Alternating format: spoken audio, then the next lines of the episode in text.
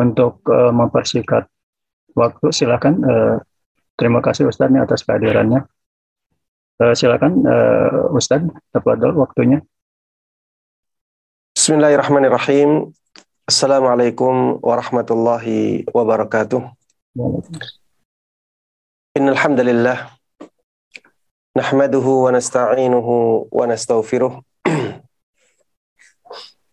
wa na'udzu billahi min syururi anfusina wa min sayyiati a'malina. Man yahdihillahu fala mudilla lahu man yudlil fala hadiya lahu. Wa asyhadu an la ilaha illallah wahdahu la syarika lahu. وأشهد أن محمدا عبده ورسوله يا أيها الذين آمنوا اتقوا الله حق تقاته ولا تموتن إلا وأنتم مسلمون أما بعد فإن أصدق الحديث كتاب الله وخير الهدى هدى محمد صلى الله عليه وسلم وشر الأمور محدثاتها فإن كل محدثة بدعة وكل بدعة ضلالة وكل ضلالة في النار Jemaah sekalian, kaum muslimin dan kaum muslimat. Ikhwati wa akhwati fillah. A'azzana Allah wa iyyakum. Alhamdulillah pada kesempatan yang baik ini Allah Subhanahu wa taala memudahkan kita untuk bertemu dalam tujuan yang mulia yaitu mempelajari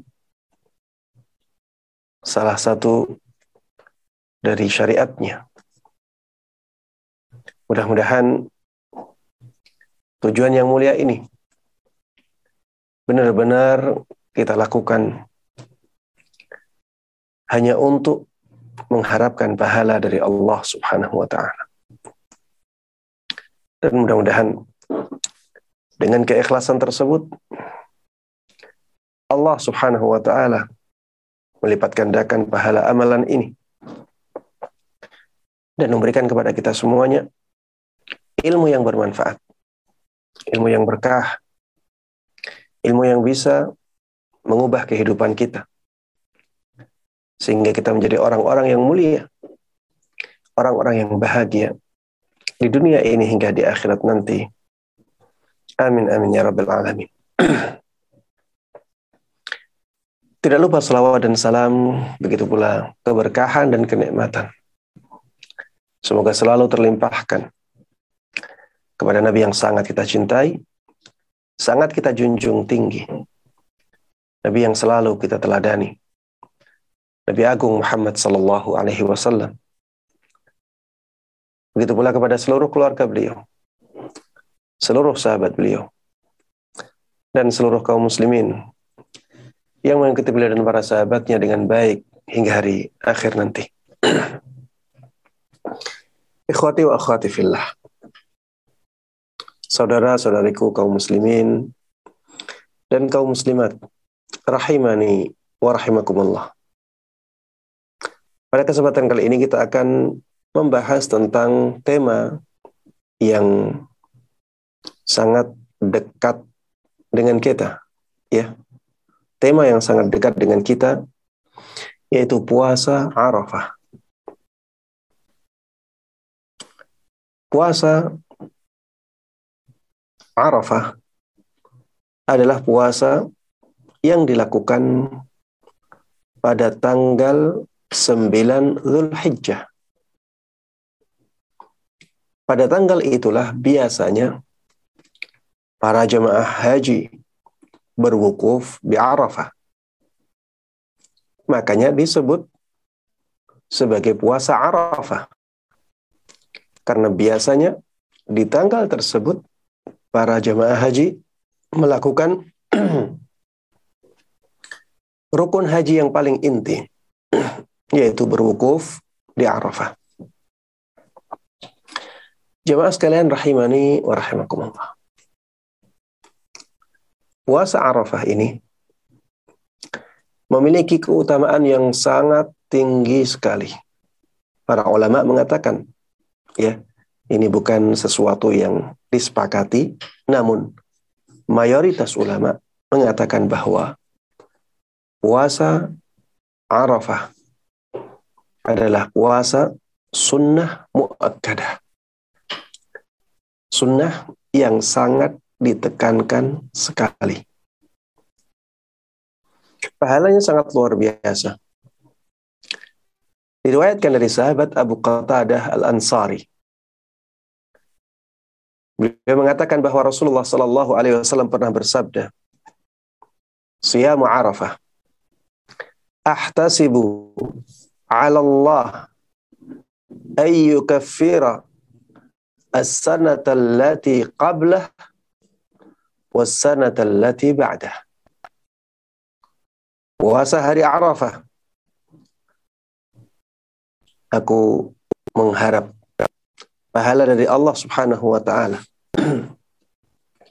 Aku berharap bahwa puasa tersebut bisa menghapuskan dosa-dosa setahun sebelumnya dan setahun setelahnya.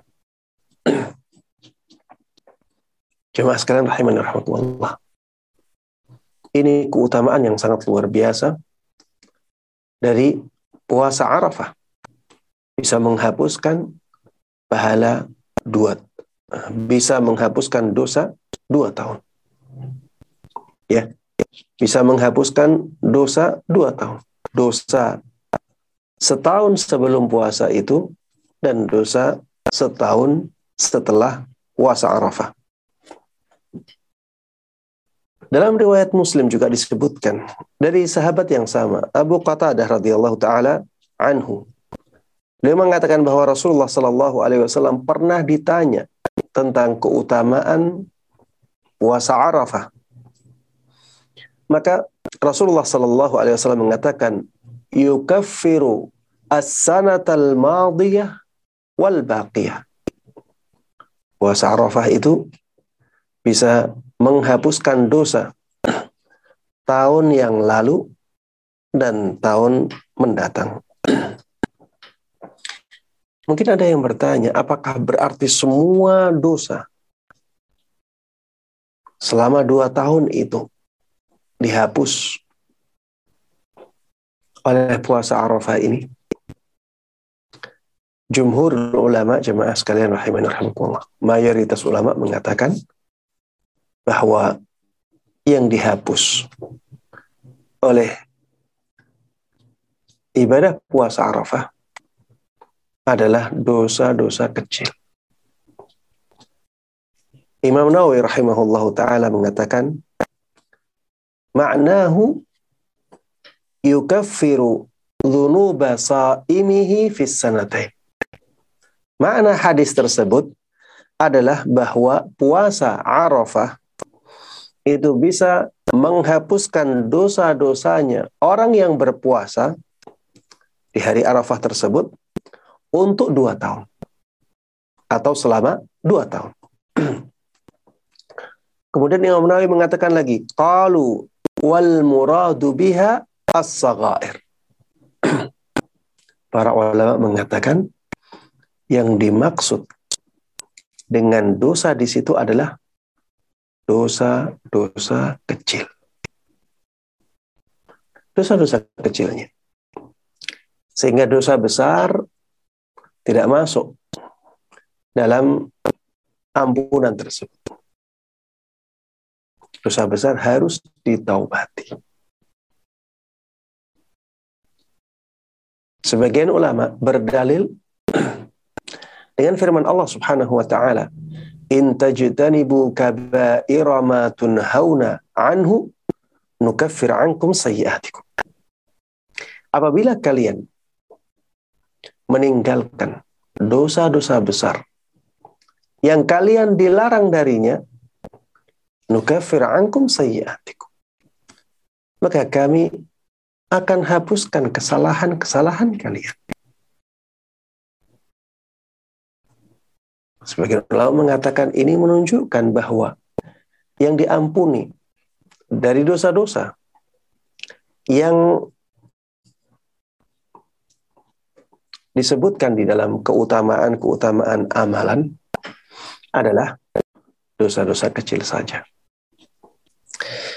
Kemudian Imam Nawawi rahimahullah taala mengatakan lagi wasabaqa bayanu mithli hadha fi takfiril khataya bil wudu. Dan telah lalu penjelasan seperti ini yang berkaitan dengan dihapusnya dosa-dosa dengan amalan wudhu. Wa dzakarna hunak illam takun saghair yurja takhfif minal kabair. Kita juga telah disebutkan di sana, eh, kita juga telah sebutkan di sana bahwa apabila orang tersebut tidak punya dosa-dosa kecil, maka diharapkan amalan-amalan seperti ini bisa meringankan dosa besarnya. Kemudian beliau mengatakan, apabila tidak ada dosa besarnya, maka amalan-amalan seperti ini bisa mengangkat derajat seseorang. ini penjelasan dari Imam Nawawi rahimahullahu taala. Baik. Jemaah sekalian rahimahullah rahimakumullah, meskipun kita memilih pendapat ini, pendapat mayoritas ulama bahwa yang diampuni adalah dosa-dosa kecilnya saja, maka sungguh ini merupakan keutamaan yang sangat luar biasa. Jemaah sekalian rahimahullah rahimakumullah, coba kita bayangkan betapa banyaknya dosa kecil yang kita lakukan dalam sehari saja. Dalam sehari saja, kalau kita hitung dosa kecil kita, banyak sekali jemaah. Apalagi sampai dua tahun. Ini keutamaan yang sangat luar biasa untuk puasa di hari Arafah. Makanya jemaah sekalian rahmanullah, jangan sampai kita nanti kelewatan untuk berpuasa di hari Arafah. Puasa hari Arafah ini ada banyak masalah yang berkaitan dengannya. Dan di sini saya hanya ingin membahas lima masalah yang mudah-mudahan waktunya cukup. Kita akan membahas lima masalah yang berkaitan dengan puasa Arafah. Masalah yang pertama jemaah sekalian rahimanirahmatullah. Apakah puasa Arafah juga disunahkan untuk para jemaah haji? Apakah puasa Arafah juga disunahkan untuk para jemaah haji?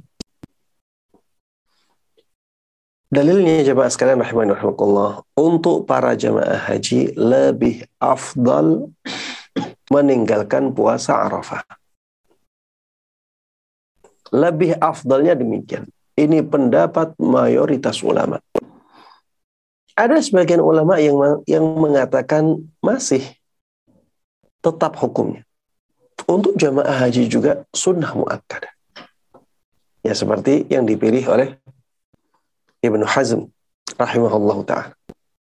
Tapi mayoritas ulama mengatakan bahwa puasa Arafah tidak disunahkan untuk dilakukan oleh para jemaah haji. Lebih afdalnya ditinggalkan. Lebih afdalnya ditinggalkan. Hikmahnya apa?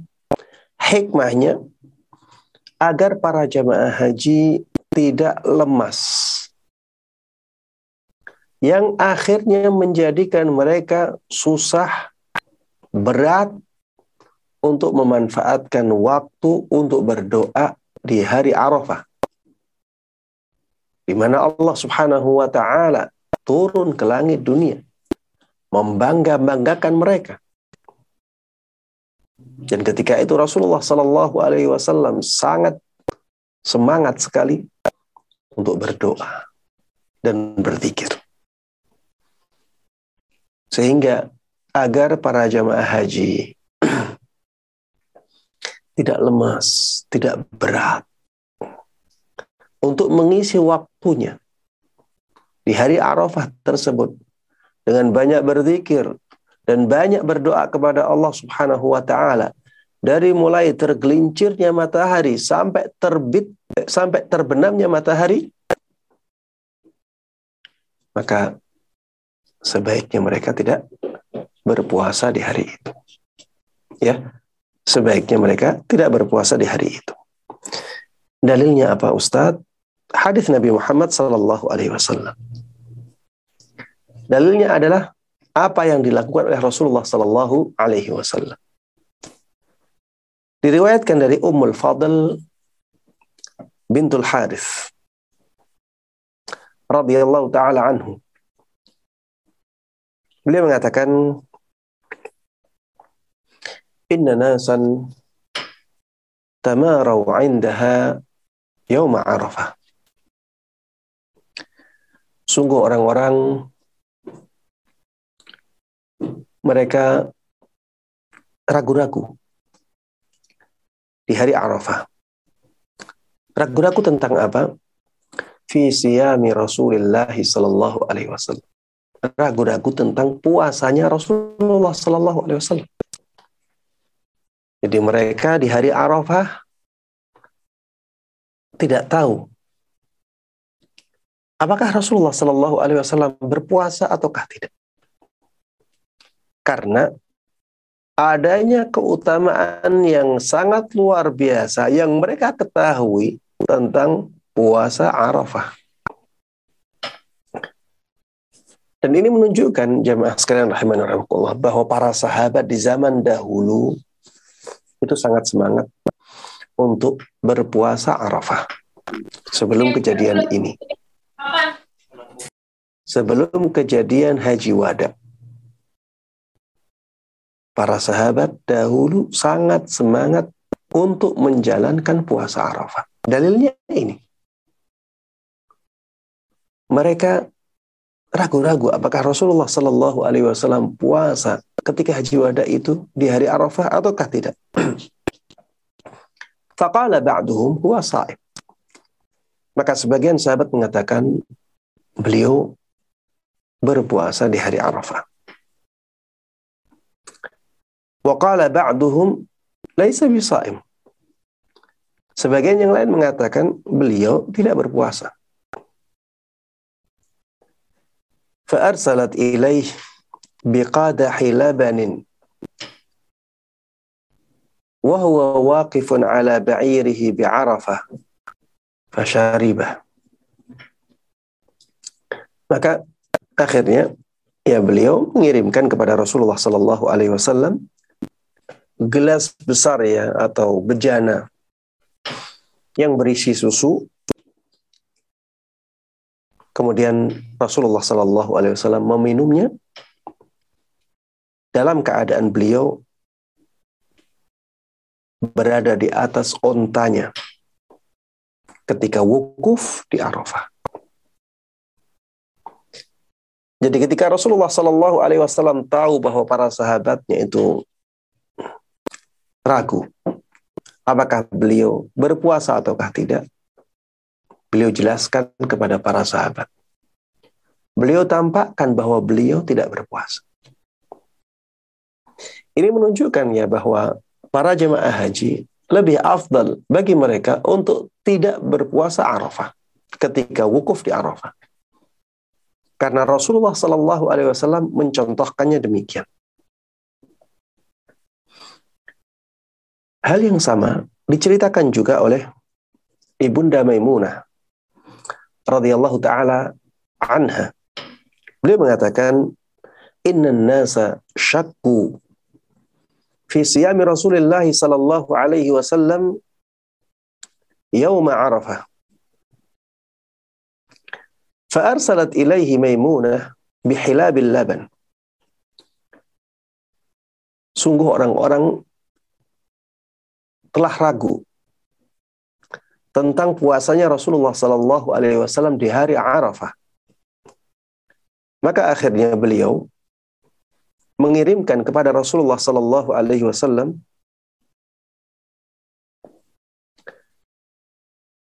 bejana berisi susu. Ketika itu beliau sedang berdiri di tempat wukuf. Fashariba minhu wan nasu yanzuruna ilaih. Maka Rasulullah Shallallahu Alaihi Wasallam meminum susu tersebut yang ada di bejana itu dan orang-orang ketika itu melihat kepada Rasulullah Shallallahu Alaihi Wasallam. Coba lihat semangatnya Rasulullah Shallallahu Alaihi Wasallam dalam memperlihatkan bahwa beliau tidak berpuasa untuk memberikan penjelasan yang sangat gamblang bahwa para jamaah haji sebaiknya tidak puasa Arafah. Para jamaah haji sebaiknya tidak puasa Arafah. Apakah kalau puasa Arafah berarti diharamkan? Jawabannya tidak. Tapi kurang afdal. Baik. Ada juga penjelasan dari sahabat Ibnu Umar radhiyallahu taala anhuma. Beliau pernah ditanya tentang puasa Arafah untuk orang yang sedang wukuf di Arafah. Maka beliau mengatakan, "Hajajtu ma'an Nabi sallallahu alaihi wasallam falam yasum." Aku pernah berhaji bersama Rasulullah Sallallahu Alaihi Wasallam dan beliau tidak berpuasa Arafah. Wa ma'a Abi Bakrin falam yasum. Aku juga pernah berhaji bersama sahabat Abu Bakar dan beliau tidak berpuasa Arafah. Wa ma'a Umar falam yasum. Aku juga pernah berhaji bersama Umar, bapaknya sendiri. Ketika menjadi khalifah. Dan ketika itu Umar pun tidak berpuasa Arafah. Wa ma'a Uthman falam yasum. Aku juga pernah berhaji bersama Uthman. Sahabat Uthman yang mulia radhiyallahu taala anhu dan beliau juga tidak berpuasa Arafah. Wa ana la asumu. Makanya aku tidak berpuasa Arafah. Maksudnya ketika wukuf di Arafah wala amuru bihi wala anha anhu. Aku tidak memerintahkan orang-orang untuk berpuasa Arafah, maksudnya mereka yang berhaji, dan aku juga tidak melarang mereka untuk berpuasa Arafah. Ya, ini konteksnya adalah tentang puasa Arafah bagi mereka yang berhaji. Ya, dari dalil-dalil ini kita bisa menyimpulkan bahwa puasa Arafah lebih baik ditinggalkan oleh para jamaah haji dan ini adalah pendapatnya mayoritas ulama. Masalah yang kedua jemaah sekalian rahimani rahimakumullah adalah tentang haruskah niat puasa Arafah dilakukan di malam hari sebagaimana puasa Ramadan ya sebagaimana puasa Ramadan. Di puasa Ramadan kita diwajibkan untuk berniat di malam hari sebelum terbit fajar sadiq. Karena hadis Nabi Muhammad sallallahu alaihi wasallam la la siyama liman lam yubayyitin niyyata minal lail. Tidak ada puasa maksudnya tidak sah puasa seseorang yang tidak meniatkan puasanya dari malam hari. Para ulama mengatakan maksudnya adalah pada puasa wajib. Maksudnya ini adalah pada puasa wajib. Adapun puasa sunnah, maka ada hadis yang jelas yang menunjukkan bahwa niatnya tidak harus dari malam hari. Yaitu hadis yang diriwayatkan dari Ibunda Aisyah radhiyallahu taala anha. Ya. Ini dalil yang menunjukkan bahwa puasa sunnah niatnya tidak harus dari malam hari. Ibunda kita Aisyah radhiyallahu taala anha pernah mengatakan dakhala alayya an-nabiy sallallahu alaihi wasallam dzata yaum. Suatu ketika Rasulullah sallallahu alaihi wasallam pernah masuk menemuiku. Maka beliau mengatakan, hal andakum syai' Apakah ada sesuatu di sisi kalian? Maksudnya, adakah makanan yang bisa aku makan di rumah ini?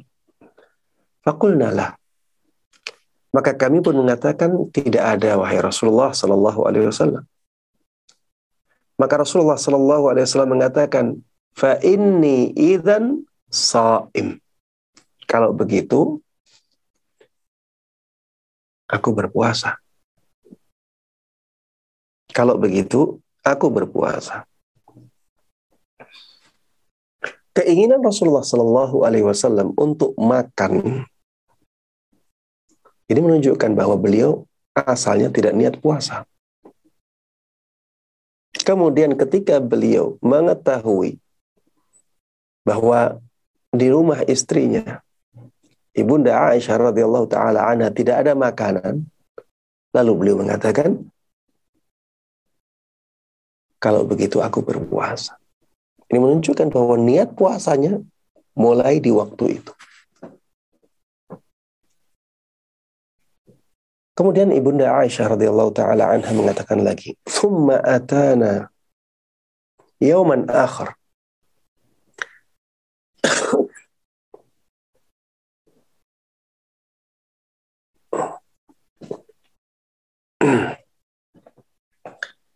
Kemudian beliau pernah menemui kami. Kemudian beliau pernah mendatangi kami di hari yang lain. Fakulna dan kami pun mengatakan, Ya Rasulullah, uhdiyalana hais. Wahai Rasulullah Sallallahu Alaihi Wasallam, ada hais yang dihadiahkan untuk kita.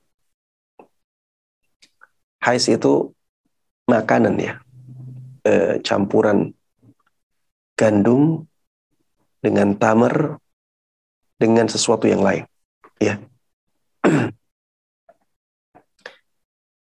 Intinya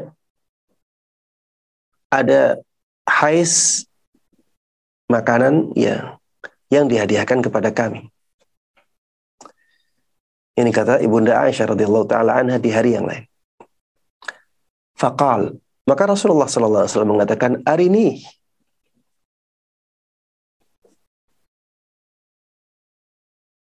perlihatkan kepadaku. Falaqad asbahtu sa'ima fa'akal. Maka sebenarnya aku tadi dalam keadaan puasa. Lalu beliau memakannya. Keadaan ini sebaliknya atau kebalikan dari keadaan yang sebelumnya. Kalau keadaan yang sebelumnya Rasulullah Shallallahu Alaihi Wasallam asalnya ingin makan, kemudian tidak ada makanan, maka beliau menjadikannya sebagai puasa. Beliau mengatakan, kalau begitu saya berpuasa. Kalau yang ini kebalikannya. Asalnya beliau di waktu pagi ingin berpuasa. Ketika dikabari ada hadiah, makanan yang namanya hais tadi, maka beliau membatalkan puasanya. Dan ini menunjukkan bahwa orang yang berpuasa sunnah boleh membatalkan. Baik. Intinya, hadis ini menunjukkan ya bahwa dalam puasa sunnah, seseorang boleh meniatkan puasanya di tengah hari. Bagaimana dengan puasa Arafah? Para ulama berbeda pendapat dalam masalah ini. Ada yang mengatakan harus tabyitun niyah. Niatnya harus dari malam hari. Sebagaimana puasa wajib. Kenapa? Karena hadisnya mengatakan orang yang berpuasa di hari Arafah atau puasa hari Arafah aku berharap kepada Allah Subhanahu wa taala bisa menghapuskan dosa-dosa selama dua tahun. Dikatakan puasa hari Arafah. Kalau dikatakan hari Arafah berarti semua hari. Kalau dikatakan hari Arafah berarti dari awal sampai akhir. Dan seseorang tidak bisa berpuasa seperti itu kecuali kalau dia niatnya dari malam hari. Sebagaimana puasa Ramadan. Ini pendapat yang pertama. Pendapat yang kedua jemaah sekalian rahimani rahimakumullah. Boleh niat puasa Arafah walaupun tidak dari malam hari. Ya. Boleh niat puasa Arafah walaupun tidak dari malam hari. Kenapa? Alasannya karena puasa Arafah adalah puasa sunnah. Dan Rasulullah Shallallahu Alaihi Wasallam pernah meniatkan puasa sunnah di tengah hari, tidak dari malam hari. Maka semua puasa sunnah hukumnya sama. Wallahu ta'ala alam, Anda lebih condong ke pendapat ini. Anda lebih condong ke pendapat ini. Taib. Imam Nawawi rahimahullah ta'ala mengatakan, apabila ternyata seseorang meniatkan puasa Arafahnya tidak dari malam hari. Apakah dia mendapatkan pahala puasa Arafah untuk sehari penuh? Imam Nawawi mengatakan ada dua wajah yang sangat masyhur dalam madhab kami. Yaitu dalam madhab syafi'i. Beliau mengatakan asahhuhuma indal ashab min tulu'il fajr. Wajah yang paling sahih.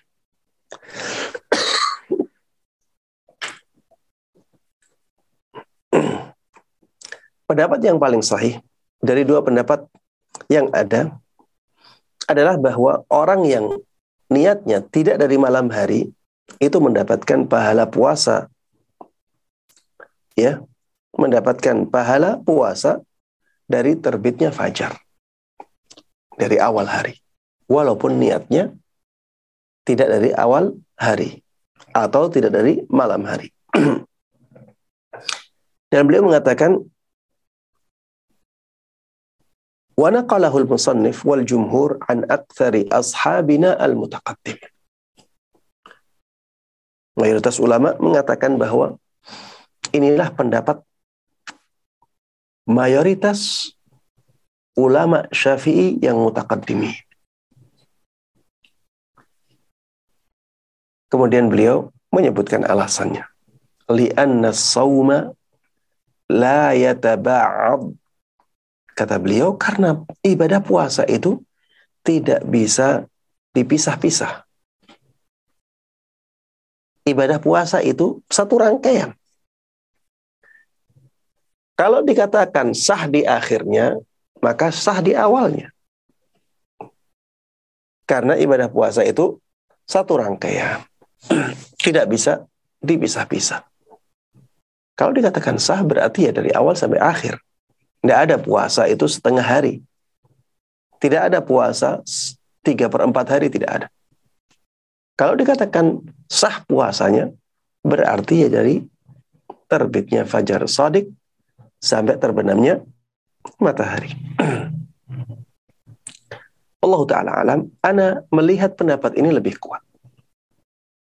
Apalagi kalau kita melihat bahwa karunia Allah Subhanahu wa Ta'ala itu sangat luas, dan Allah Maha Pemurah, dan Allah tidak akan kekurangan memberikan pahala kepada hambanya.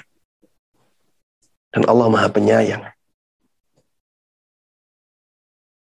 Sehingga jemaah sekalian rahimahullah apabila ada orang yang yang kelupaan misalnya.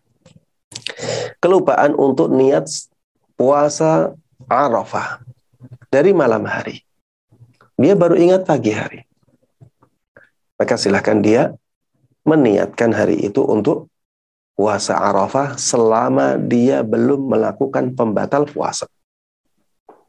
Misalnya belum makan, belum minum, atau belum berhubungan suami istri di hari itu, dia bisa meniatkan puasa di hari itu. Menjadi puasa Arafah. Namun, meskipun ini dibolehkan, lebih hati-hatinya lebih hati-hatinya kita meniatkan puasa Arafah dari malam hari. Ya. Untuk keluar dari ikhtilaf para ulama. Ya. Untuk keluar dari ikhtilaf para ulama. Sebagaimana kaidah yang sangat masyur, al-khuruju minal khilafi mustahab. Keluar dari khilaf atau ikhtilaf para ulama itu dianjurkan. Dan ini juga menjadi lebih selamat ya. Ibadah kita menjadi lebih lebih selamat.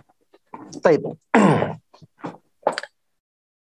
Permasalahan yang berikutnya yang berkaitan dengan puasa Arafah adalah bagaimana bila puasa Arafah bertepatan dengan hari Sabtu Bolehkah kita berpuasa Arafah di hari Sabtu? Kenapa dipertanyakan Ustaz?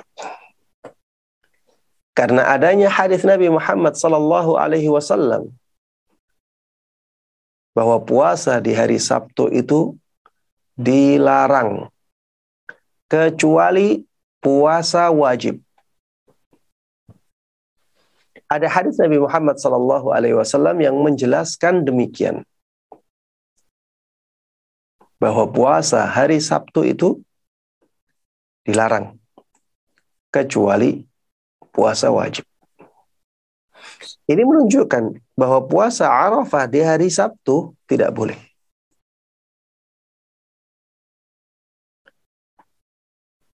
Lalu bagaimana jemaah sekalian rahimani rahimakumullah apabila puasa Arafahnya pas menepati hari Sabtu. Apakah kita tidak berpuasa karena hadis tersebut? Ataukah kita tetap berpuasa untuk mendapatkan kemuliaan puasa Arafah? Jawabannya, jemaah sekalian rahimani rahimakumullah, sebaiknya kita tetap berpuasa sebaiknya kita tetap berpuasa. Mungkin ada yang bertanya, Ustadz, terus hadis yang tadi bagaimana? Para ulama jemaah sekalian rahimani wa mereka menjawab hadis tersebut dengan banyak jawaban. Jawaban yang pertama, ada yang mengatakan hadis tersebut hadis yang lemah. Ada yang mengatakan hadis tersebut hadis yang mansuh. Ada yang mengatakan larangan di hadis tersebut apabila kita meyakini adanya keutamaan khusus di hari Sabtu sehingga diagungkan dengan puasa. Sebagaimana orang-orang Yahudi dahulu mengagungkan hari Sabtu. Sebagaimana kita tahu ya, hari rayanya orang Yahudi itu hari Sabtu. Hari rayanya orang-orang Nasrani hari Ahad. Hari rayanya kaum muslimin hari Jumat. Kalau ada orang yang berpuasa di hari Sabtu untuk mengagungkan hari Sabtu, itulah yang dimaksud dalam hadis itu. Ada yang berpendapat demikian. Memaknai hadis tersebut dengan makna ini. Kenapa dilarang? Karena adanya keyakinan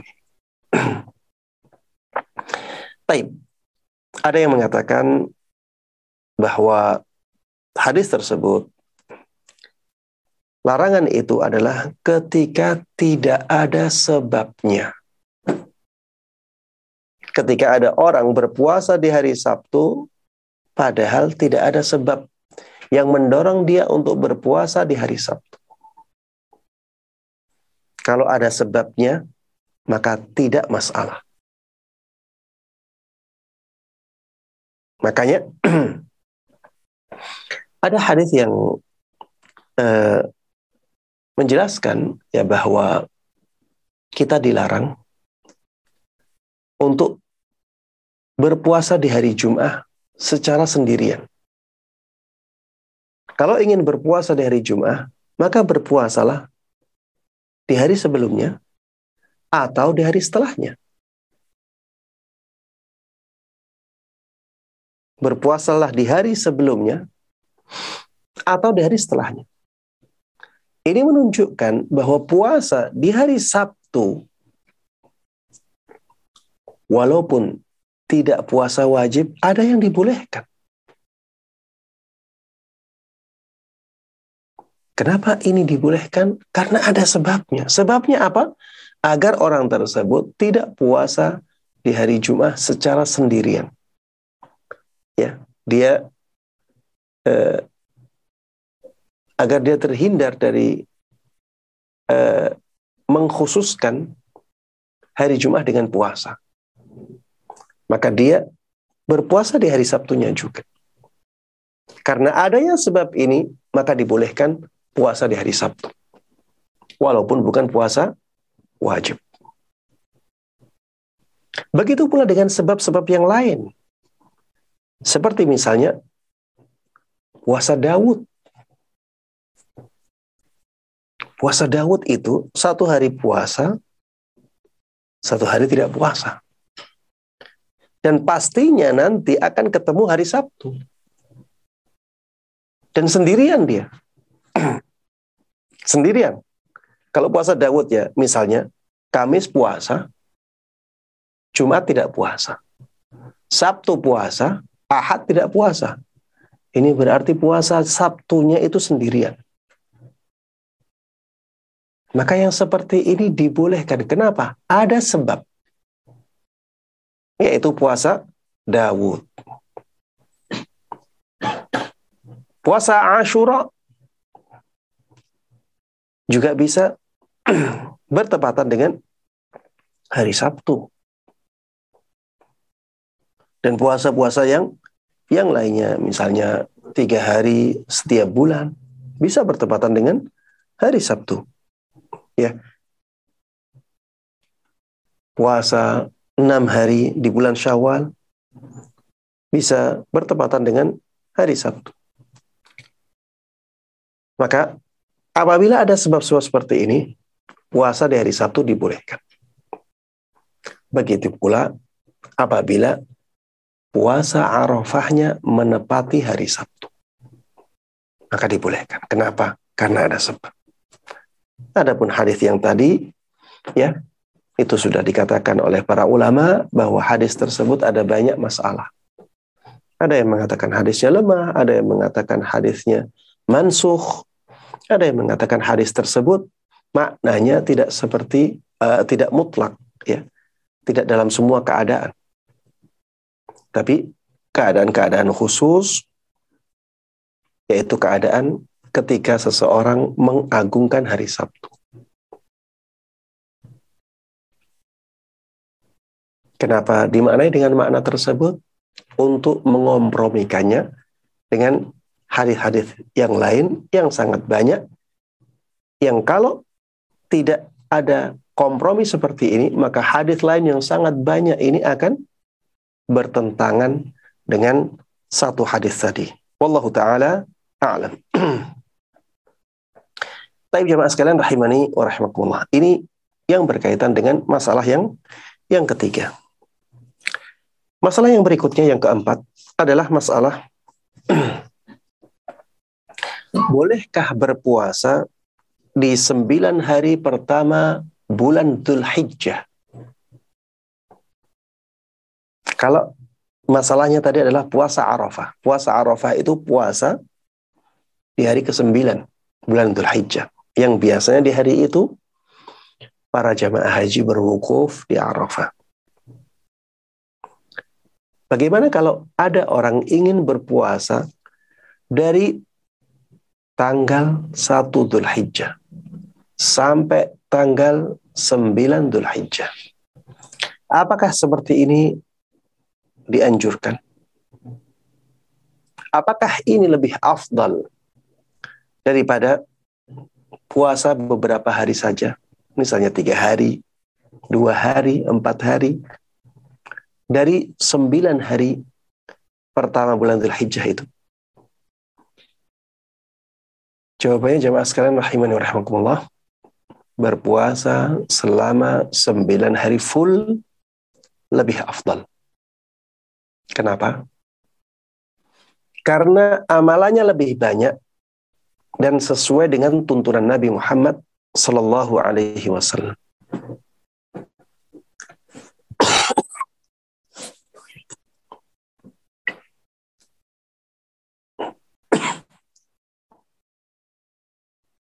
Taib.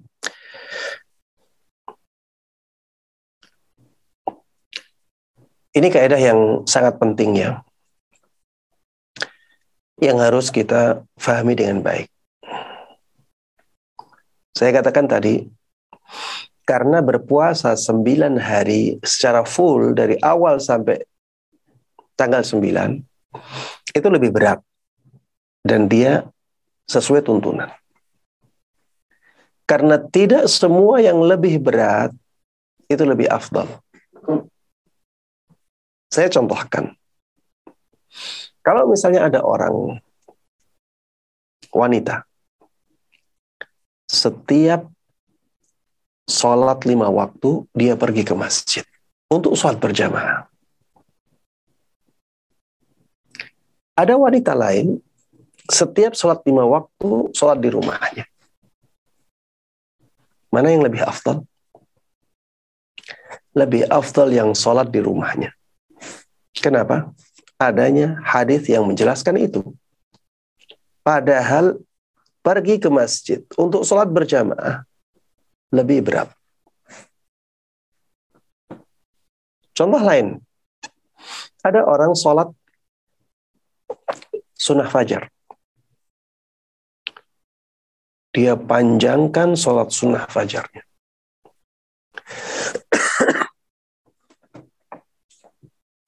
Dia panjangkan sholat sunnah fajarnya berdirinya lama, rukuknya lama, sujudnya lama.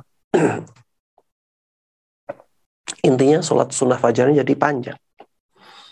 Yang satu orang lagi sholat sunnah fajar tapi ringan. Sholatnya ringan. Rakaat pertama yang dibaca Al-Kafirun, rakaat yang kedua yang dibaca Al-Ikhlas. Dan ringan rukuknya tidak lama-lama, sujudnya tidak lama-lama. Mana yang lebih afdal? Yang lebih afdal adalah yang sholatnya ringan. Padahal yang tadi sholatnya lama lebih berat. Kenapa? Karena adanya hadis khusus yang menjelaskan hal ini. Bahwa Rasulullah Shallallahu Alaihi Wasallam dahulu kalau sholat sunnah fajar itu sholatnya ringan. Makanya kaidahnya jamaah sekalian rahimani rahmatullah amalan yang lebih berat itu lebih besar pahalanya apabila sesuai dengan tuntunan. Bagaimana contohnya? Ya ini yang masalah yang kita bahas. Berpuasa di bulan Dhul Hijjah dari tanggal 1 tanggal, sampai tanggal 9 itu sesuai dengan tuntunan. Makanya kalau puasa semuanya, maka menjadi lebih afdal daripada orang yang berpuasa hanya tiga hari saja, hanya empat hari saja, hanya lima hari saja. Ya mudah-mudahan bisa difahami ya. Saya contohkan lagi ya biar bisa lebih gamblang. Ada satu orang laki-laki. Ada orang laki-laki. Dia kalau pergi ke masjid, kalau sholat lima waktu selalu pergi ke masjid. Jarak antara rumah dengan masjidnya 20 meter. Ada laki-laki lain, kalau sholat lima waktu selalu ke masjid. Dan jaraknya antara rumah dia dengan masjid 100 meter. Mana yang lebih besar pahalanya? Yang lebih besar pahalanya adalah yang rumahnya jauh. 100 meter dari masjid. Kenapa? Karena amalan dia lebih banyak, lebih berat, dan sesuai tuntunan. Sedangkan yang tadi amalannya lebih ringan, walaupun itu juga sesuai dengan tuntunan. Ya, ini semuanya masuk dalam keumuman hadis Nabi Muhammad sallallahu alaihi wasallam kepada ibunda kita Aisyah radhiyallahu taala anha ajruki ala qadri nasabik. Pahalamu wahai Aisyah radhiyallahu taala anha itu sesuai dengan jerih payahmu. Sesuai dengan kadar jerih payahmu. Semakin berat, maka semakin banyak pahalanya. Contoh lain seperti sabar. Ketika sabar itu berat, sabar yang demikian pahalanya lebih besar daripada sabar tapi kurang berat. Karena sadar dan sadar dua-duanya sesuai dengan tuntunan. Taib. Mungkin ada yang bertanya, Ustadz, adakah dalil dari hadis Nabi Muhammad Sallallahu Alaihi Wasallam? Maka jawabannya dalil umum, ya dari sahabat Jabir radhiyallahu taala anha eh, radhiyallahu taala anhu beliau mengatakan bahwa Rasulullah sallallahu alaihi wasallam pernah bersabda inna afdala ayyamid dunya ayyamul ashar. Sesungguhnya hari yang paling afdal di dunia ini adalah hari-hari yang jumlahnya 10. Maksud beliau adalah 10 hari pertama bulan Zulhijjah. Ketika ini adalah bulan-bulan, eh, ketika ini adalah hari-hari yang paling afdal di dunia ini, maka amalan yang dilakukan di hari-hari itu menjadi sangat afdal sekali. Dan di antara amalan kebaikan adalah puasa. Ini menunjukkan bahwa puasa itu sangat dianjurkan di semua hari hari pertama bulan Dzulhijjah. Ustadz ini kan jumlahnya 10. Padahal hari ke-10 hari Aid dan kita tidak boleh berpuasa di hari ke-10? Jawabannya, yang seperti itu sudah dimaklumi Yang seperti itu sudah dimaklumi. Berarti di hari ke-10 kita tidak boleh berpuasa. Berpuasanya dari tanggal 1 sampai, sampai tanggal 9. Baik. Hadis yang kedua. Hadis yang sangat masyur. Ma min ayyamin العمل الصالح فيها أحب إلى الله وفي رواية riwayah من هذه الأيام يعني أيام العشر. Tidak ada hari-hari yang amalan saleh di dalamnya lebih dicintai oleh Allah. Dalam riwayat lain, lebih mulia daripada hari-hari ini. Yang dimaksud oleh beliau adalah 10 hari pertama bulan Dhul Qalu ya Rasulullah, walal jihadu fi sabilillah. Para sahabat bertanya, wahai Rasulullah sallallahu alaihi wasallam, walaupun amalan yang dilakukan di selain hari itu adalah amalan jihad fi sabilillah, maka beliau mengatakan walal jihadu fi sabilillah. walaupun amalan yang dilakukan di hari lain adalah amalan jihad fisabilillah. Tetap saja amalan-amalan yang dilakukan di hari-hari ini lebih afdal daripada amalan jihad fisabilillah yang dilakukan di hari-hari lain. Kemudian Rasulullah mengecualikan satu keadaan. Illa rajulun kharaja binafsihi wa malih falam yarji' min dhalika. Kecuali satu orang. Siapakah itu? Orang yang berjihad di jalan Allah. Dengan jiwa raganya dan dengan hartanya.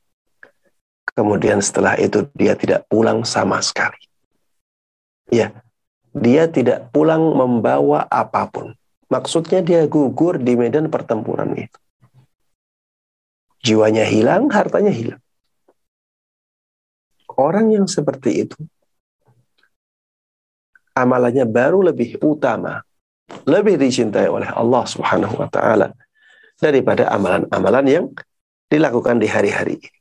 Ini menunjukkan jemaah sekalian rahimani rahimakumullah bahwa bersedekah di 10 hari pertama bulan Dhul Hijjah lebih afdal daripada jihad fisabilillah. Salat dua rakaat di 10 hari pertama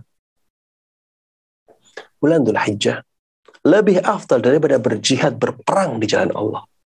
Kecuali yang keadaannya seperti yang disebutkan oleh Rasulullah tadi. Alaihi salatu wassalam. Membaca Al-Quran. Berzikir dan ibadah-ibadah yang lain lebih afdal daripada berjihad di jalan Allah Subhanahu wa taala.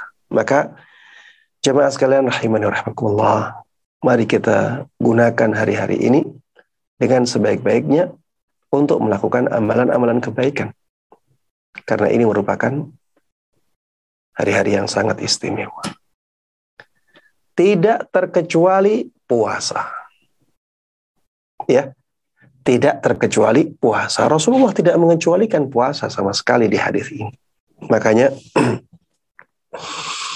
Ibnu Rajab, seorang ulama besar dalam madhab Hambali, mengatakan, وقد دل هذا الحديث ala anna al-amala fi ayyamihi ahabbu ila Allah min al-amal fi من dunya min ghairi istithna'i syai'in minha. Hadis ini menunjukkan bahwa amalan yang dilakukan di hari-hari tersebut lebih dicintai oleh Allah Subhanahu wa taala daripada amalan yang dilakukan di hari-hari lain tanpa terkecuali. Wa idza kana ahabbu ila Allah wa idza kana ahabba ila Allah fahuwa afdalu indahu. Apabila amalan tersebut lebih dicintai oleh Allah, itu berarti amalan tersebut lebih afdal di sisi Allah Subhanahu wa taala. Imam Nawawi rahimahullah taala mengatakan, "Laisa fi shaumi hadhihi tis'ah karah." Tidak makruh berpuasa di sembilan hari ini. Dari tanggal 1 sampai tanggal 9 Dhul Hijjah. Bal hiya mustahabbatun istihbaban syadida. Bahkan berpuasa dari tanggal 1 sampai tanggal 9 Dhul Hijjah itu sangat dianjurkan sekali. Ini berkataan Imam Nawawi rahimahullah taala. La siyama at-tasi' minha wa huwa Arafah. Terutama di hari kesembilannya. Dan itulah hari Arafah. Dan itulah hari Arafah. Ya ini menunjukkan ya bahwa berpuasa di sembilan hari pertama bulan Dhul Hijjah itu sangat dianjurkan. Ya, sangat dianjurkan dan ini pendapat yang paling kuat dalam masalah ini. Dalilnya adalah dua hadis pertama tadi. Hadis umum ya. Hadis umum yang menunjukkan bahwa hari-hari ini adalah hari-hari yang paling afdal untuk beramal kebaikan. Dan di antara amal kebaikan adalah berpuasa. Wallahu taala alam. Kemudian masalah yang terakhir, jamaah sekalian rahimahullah, ini masalah yang di uh, dibahas banyak oleh teman-teman kita di hari-hari ini. Bagaimana apabila ada perbedaan antara Makkah dan Indonesia dalam ru'yatul hilalnya. Ya. Bagaimana apabila antara negara kita Indonesia dengan Makkah yang di sana ada wukuf di Arafah. Ada perbedaan ru'yatul hilalnya. Di Indonesia tidak terlihat hilal Dhul Hijjah. Di Makkah sudah terlihat. Akibatnya terjadi perbedaan penentuan masuknya bulan Dhul Hijjah. Konsekuensinya nanti puasa Arafahnya juga berbeda. Mana yang harus kita ikuti? Mana yang harus kita ikuti? Apakah kita mengikuti ru'yat hilalnya Makkah ataukah kita ikuti ru'yat hilalnya Indonesia? Jemaah sekalian rahimani wa rahmatullah, di sini ada perbedaan pendapat. Perbedaan pendapat ini muaranya pada masalah apakah ikhtilaful matali' itu mu'tabar ikhtilaful matali' artinya adalah perbedaan matla' hilal perbedaan waktu munculnya hilal atau tempat munculnya hilal. Apakah itu mu'tabar? Harus diperhitungkan? Ataukah ghairu mu'tabar? Tidak diperhitungkan. Sehingga kalau sudah terlihat hilal di satu tempat, maka itu mempengaruhi semua tempat yang ada di dunia ini. Semuanya harus seperti itu. Ini yang mengatakan bahwa ikhtilaful matali' ghairu mu'tabar. Ini ada dua pendapat dan perbedaan pendapat di sini jemaah sekalian rahimani rahimakumullah sudah dari sejak dulu. Makanya ya pada perbedaan pendapat yang seperti ini tidak usah terlalu ngegas jangan terlalu keras dalam masalah ini. Sekeras apa pun sikap kita, sekuat apa pun kita menyampaikan dalil yang menguatkan pendapat kita, itu tidak bisa menafikan dan menghilangkan ikhtilaf para ulama yang ada. Ya dibuat slow aja. Dibuat lembut saja sampaikan pendapat Anda. Sampaikan dalilnya. Kemudian setelah itu, lakukan konsekuensinya. Kalau ternyata ada perbedaan pendapat, ya sudah. Kita harus toleran terhadap pendapat lain. Karena khilaf atau ikhtilaf perbedaan pendapat dalam masalah ini sudah ada sejak zaman dahulu. Sudah ada sejak zaman para a'immah. Baik. Sekarang mana yang saya lihat lebih kuat? Wallahu taala alam anda lebih menguatkan pendapat yang mengatakan bahwa apabila terjadi perbedaan ru'yatul hilal, maka kita mengikuti negara kita. Alhamdulillah, negara Indonesia, pemerintahnya masih menjadikan ru'yatul hilal sebagai penentu masuknya bulan Hijriah. Dan ini yang sesuai dengan sunnah. Dan tidak ada perbedaan antara bulan Hijriah yang satu dengan bulan Hijriah yang lain. Tidak ada dalil yang membedakannya. Ya.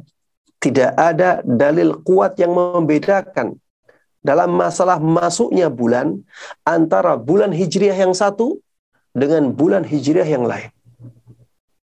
Bulan Muharram masuknya bulan Muharram sebabnya adalah terlihatnya hilal bulan Muharram.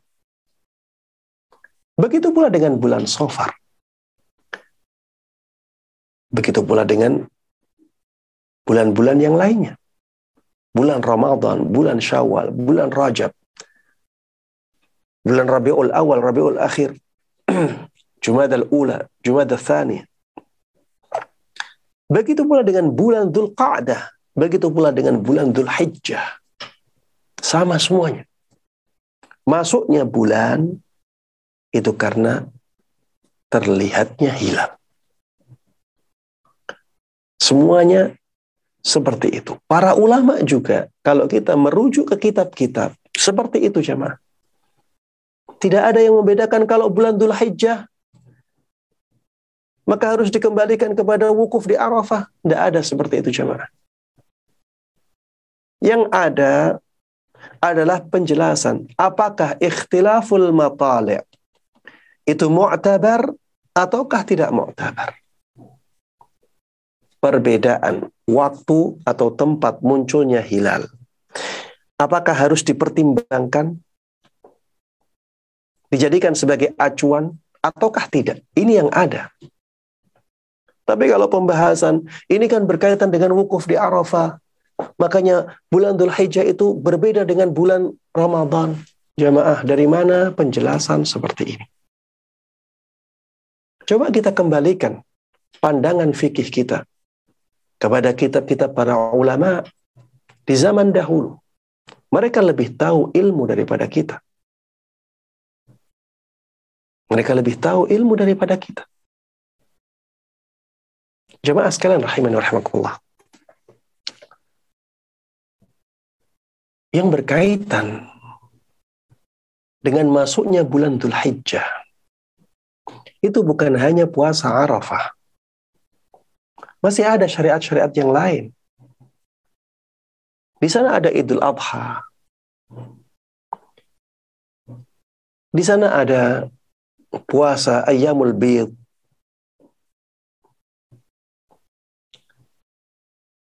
Di sana juga ada penentuan hari tasyrik. Kenapa hukumnya hanya dikaitkan dengan wukuf di Arafah saja. Makanya jemaah sekalian rahimani rahimakumullah, jangan dikembalikan ke masalah itu. Kalau kita memang berbeda pendapat, kembalikan kepada masalah yang digunakan oleh para ulama untuk membahas masalah ini. Kembalikan kepada masalah apakah ikhtilaful matali' atau perbedaan tempat munculnya hilal itu bisa dijadikan sebagai acuan mempengaruhi hukum ataukah tidak. Ini permasalahannya. Ya, dan para ulama berbeda pendapat dalam masalah ini. Ya silahkan setiap dari kita melihat mana dalil yang lebih kuat. Anda lebih menguatkan pendapat yang disampaikan oleh Syekh Muhammad ibn Saleh Al-Utsaimin rahimahullahu taala bahwa ikhtilaful matali' itu mu'tabar. Ya. Ikhtilaful matali' itu mu'tabar. Perbedaan tempat munculnya hilal itu harus dipertimbangkan. Bisa mempengaruhi hukum. Baik, mungkin ada yang bertanya, Ustaz, mana dalil yang menunjukkan bahwa bulan Dhul Hijjah itu sama dengan bulan yang lain, sama dengan Ramadan, sama dengan Syawal. Dalam penentuan masuknya bulan tersebut, yaitu dengan ru'yatul hilal, dan itu bisa berbeda dari satu tempat ke tempat yang lain. Baik. Saya sebutkan hadis Nabi Muhammad Sallallahu Alaihi Wasallam. Beliau mengatakan, As-sawmu yauma tasumun. Wal fitru yauma tuftirun. Wal adha yauma tudahhun. Hadis diriwayatkan oleh Imam At-Tirmidzi oleh Syekh Albani jami'an. Rasulullah Shallallahu Alaihi Wasallam katakan puasa Ramadan itu ketika kalian semuanya berpuasa. Mengakhiri puasa Ramadan yaitu masuknya bulan Syawal itu ketika kalian semuanya sudah mengakhiri bulan Ramadan. Kalian semuanya masuk di bulan Syawal. Dan Idul Adha itu ketika kalian semuanya melakukan Idul Adha. Ketika kalian semuanya menyembelih. Ia menyembelih di Idul Adha. Jemaah, coba kita lihat hadis ini. Rasulullah Shallallahu Alaihi Wasallam menyebutkan tiga hal. Menyebutkan puasa Ramadan, menyebutkan Idul Fitri, menyebutkan Idul Adha dalam satu konteks. Kalau di bulan Ramadan kita berpacu, berpatokan pada hilal, maka begitu pula di bulan Syawal. Begitu pula di bulan Dhul Hijjah yang ada Idul Adhanya. Rasulullah katakan seperti ini. Puasa Ramadan itu ketika kalian semuanya berpuasa. Tapi puasa Ramadan kita kembalikan kepada siapa? kita kembalikan kepada ru'yatul hilal negara masing-masing.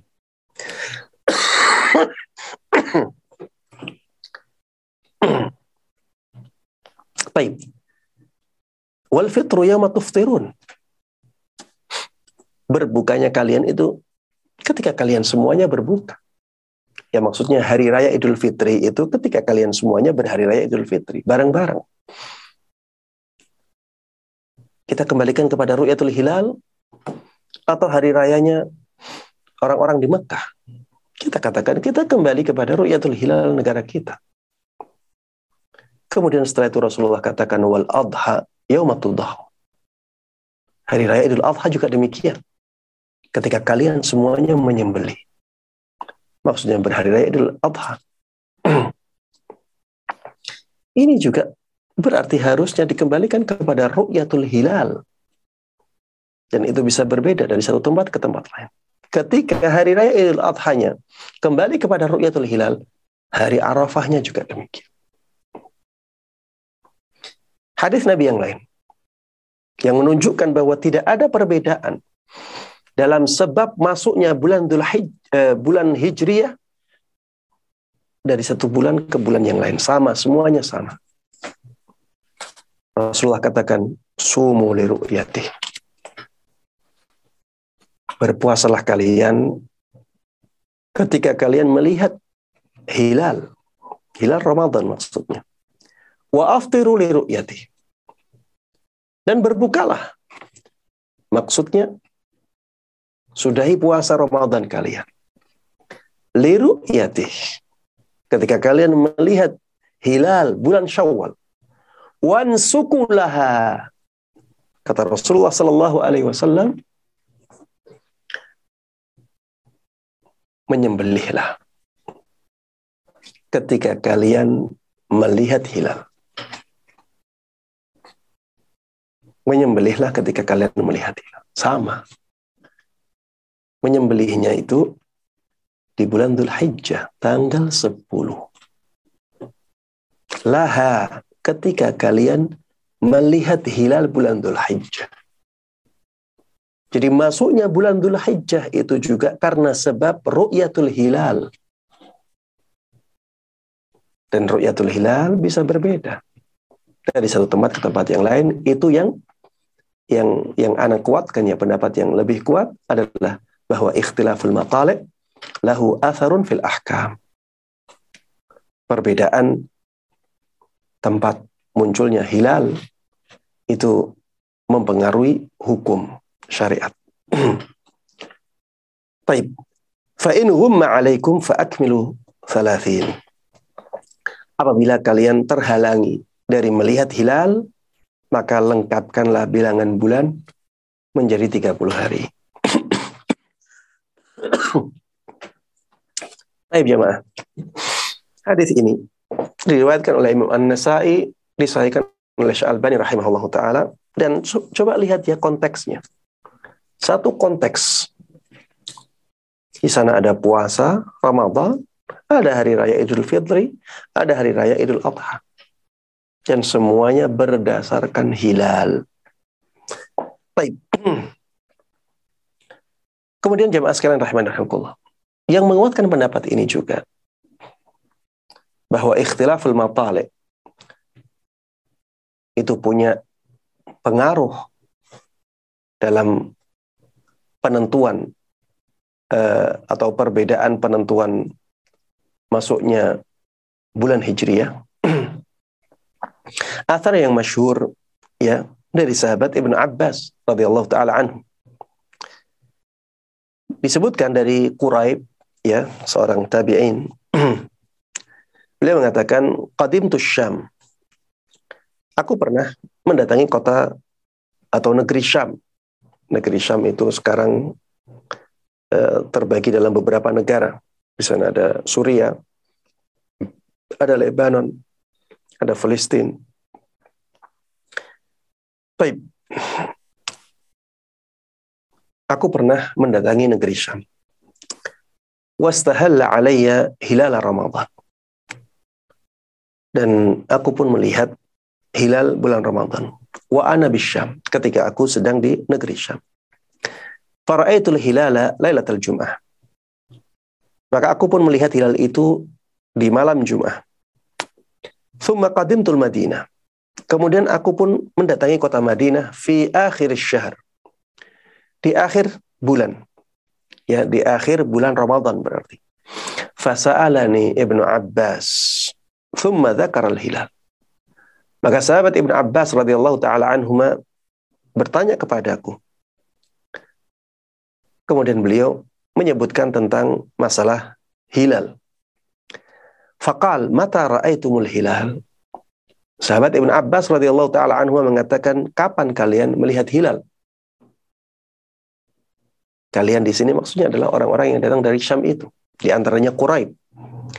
Faqultu ra'ainahu lailatul Jum'ah. Kami melihatnya di malam Jum'ah. Faqal. Maka sahabat Ibn Abbas bertanya lagi, "Anta ra'aitahu?" Kamu melihatnya sendiri? Kamu melihat hilal sendiri. Kamu yang melihatnya? Fakultu na'am. Quraib mengatakan, iya.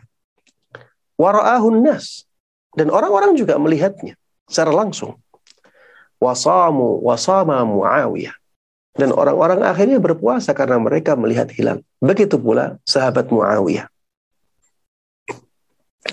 Fakal maka sahabat Ibn Abbas radhiyallahu taala anhu mengatakan lakinna ra'ainahu lailatas sabt akan tetapi kami melihat hilal baru di malam Sabtunya. Orang Syam melihat hilal di malam Jumatnya, orang Madinah melihatnya di malam Sabtunya. Fala nazalu nasumu hatta nukammila thalathin. Maka kami pun terus berpuasa sampai kami melengkapkan atau menyempurnakan bilangan bulan menjadi 30 hari. Au narahu atau sampai kami melihat hilal bulan Syawal maksudnya. Fakultu ala taktafi bi ru'yati Muawiyah wa siyamih? Quraib bertanya kepada sahabat Ibnu Abbas radhiyallahu taala anha anhuma tentang hal ini. Tidak bolehkah kami mencukupkan diri dengan ru'yahnya sahabat Muawiyah dan puasanya sahabat Muawiyah? Maksudnya tidak bolehkah kami menjadikan ru'yah hilalnya negeri Syam untuk kami? Faqalala. Ibn Abbas mengatakan tidak. Karena Ibn Abbas di Madinah. Sedangkan Muawiyah di Syam. Ketika ada perbedaan dalam ru'yatul hilal seperti ini, maka setiap negeri itu mendasari hukumnya dengan ru'yat hilalnya masing-masing. Beliau mengatakan la ya Ibn Abbas mengatakan tidak hakadha amarana Rasulullah sallallahu alaihi wasallam. Seperti inilah Rasulullah sallallahu alaihi wasallam memerintahkan kepada kami. Iya. Ini menunjukkan ya bahwa ikhtilaful matali' itu harus dipertimbangkan. Perbedaan tempat munculnya hilal itu harus dipertimbangkan. Bahkan sahabat Ibn Abbas radhiyallahu taala anhuma mengatakan seperti inilah Rasulullah sallallahu alaihi wasallam memerintahkan kami. Ya mungkin beliau mengembalikannya kepada hadis Nabi Muhammad sallallahu alaihi wasallam, "Sumu li ru'yati wa aftiru li ru'yati." Berpuasalah kalian ketika kalian melihat hilal Ramadan dan sudahilah puasa kalian. Berbukalah ketika kalian melihat hilal bulan Syawal. Ya ketika penduduk Madinah belum melihat hilal bulan Ramadan, mereka tidak boleh puasa. Ketika penduduk Syam melihat hilal bulan Ramadan, mereka boleh puasa, bahkan wajib. Ya, ini konsekuensi dari perbedaan eh, tempat munculnya hilal. Imam At-Tirmidzi dalam kitabnya Sunan At-Tirmidzi setelah menyebutkan asar ini, apa kata beliau? Wal amalu ala hadzal hadis 'inda ahli al-ilmi anna li kulli ahli baladin ru'yatahum. Kata beliau,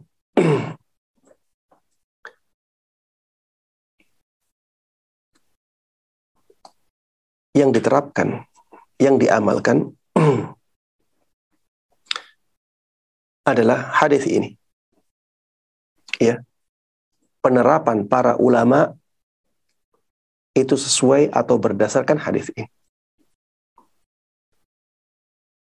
Penerapan para ulama itu sesuai dengan hadis ini. Bahwa setiap penduduk negeri mereka punya ru'yat hilal masing-masing.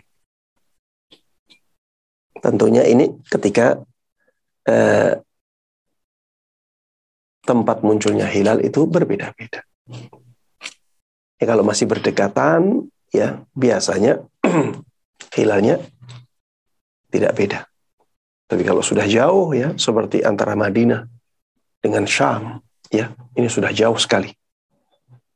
Maka kalau ada perbedaan, maka perbedaan yang seperti itu harus ya dijadikan sebagai sandaran hukum. Baik. Alasan yang berikutnya jemaah sekalian rahmani rahmatullah. Kenapa kita harus atau kenapa kita mengikuti ru'yat hilal negeri masing-masing? Karena agama ini jemaah sekalian rahimani rahimakumullah adalah agama yang mudah. Agama Islam itu agama yang mudah, mudah sekali. Dan kalau kita harus mendasari puasa Arafah kita dengan wukuf di Arafahnya jamaah haji ini sangat memberatkan sekali. Sangat memberatkan sekali. Bagaimana orang akan tahu? Bagaimana orang akan tahu dengan ru'yat hilalnya penduduk Makkah di zaman Nabi Muhammad Sallallahu Alaihi Wasallam. Ketika itu belum ada HP, belum ada seluler, ya, dan belum ada pesawat, belum ada mobil, belum ada motor. Kecepatan kuda ketika itu tidak bisa melebihi kecepatan mobil saat ini. Tidak bisa. Kecepatan mobil saja tidak bisa, apalagi melebihi kecepatan pesawat. Coba bisa dibayangkan betapa sulitnya kita menentukan awal bulan Dhul Hijjah sesuai dengan ru'yat hilalnya penduduk Makkah. Ini sangat sulit sekali. Dan kita jangan bicara hukum itu di zaman kita saja. Agama Islam itu salihun likulli zamanin wa makan.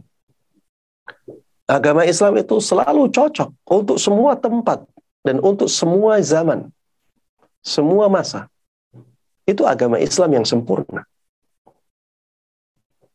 Jadi jamaah sekalian rahimah rahimakumullah, pendapat yang mengatakan harus kembalikan kepada wukuf di Arafah untuk puasa Arafah ini, ini pendapat yang sangat memberatkan kaum muslimin dan syariat Islam itu tidak demikian, ya syariat Islam itu memberikan kemudahan kepada kaum muslimin ya kepada hamba-hamba Allah Subhanahu wa taala. Kemudian dalil yang terakhir ya, dalil ya kias. Kias ibadah puasa dengan ibadah sholat. Kias ibadah puasa dengan ibadah sholat. Kias ibadah puasa Arafah dengan sholat. Baik, kita sholat, menentukan waktunya. Itu kan berdasarkan tempat kita. Tempat kita sholat asar, ya sholat asar, walaupun di Makkah masih belum duhur. Kalau tempat kita sudah sholat isya, ya kita sholat isya. Walaupun di Makkah masih waktu asar. Begitu pula dengan puasa. Ya, begitu pula dengan puasa. Karena dipengaruhi oleh ru'yatul hilal, maka ru'yatul hilal dikembalikan kepada tempat masing-masing. Kemudian kita juga bisa kiaskan puasa Arafah dengan puasa yang lain. Kita bisa kiaskan puasa Arafah dengan puasa eh, misalnya Ashura. Puasa Ashura itu berdasarkan ru'yatul hilal. Bulan Muharram. Maka puasa Arafah juga berdasarkan ru'yatul hilal bulan Dhul Hijjah. Sama-sama ibadah puasa. Sama-sama sunnahnya. Maka ketika ini dianggap berbeda, ini menjadi bermasalah. Jamaah sekalian rahimani wa rahimakumullah. Mungkin ada yang bertanya, Ustadz, terus kenapa dinamakan puasa Arafah? Ini sudah saya singgung di awal ketika saya sampaikan apa yang dimaksud dengan puasa Arafah. Yang dimaksud dengan puasa Arafah adalah puasa pada tanggal 9 Zulhijjah. Dan tanggal 9 Zulhijjah itu biasanya digunakan oleh kaum muslimin yang berhaji untuk berwukuf di Arafah. Makanya disebut sebagai puasa Arafah. Bukan berarti kalau tidak ada wukuf, maka puasa itu tidak ada. Saya ulangi, bukan berarti kalau tidak ada wukuf di Arafah, maka puasanya, puasa Arafahnya menjadi tidak ada. Bahkan jemaah, kalau kita tahu,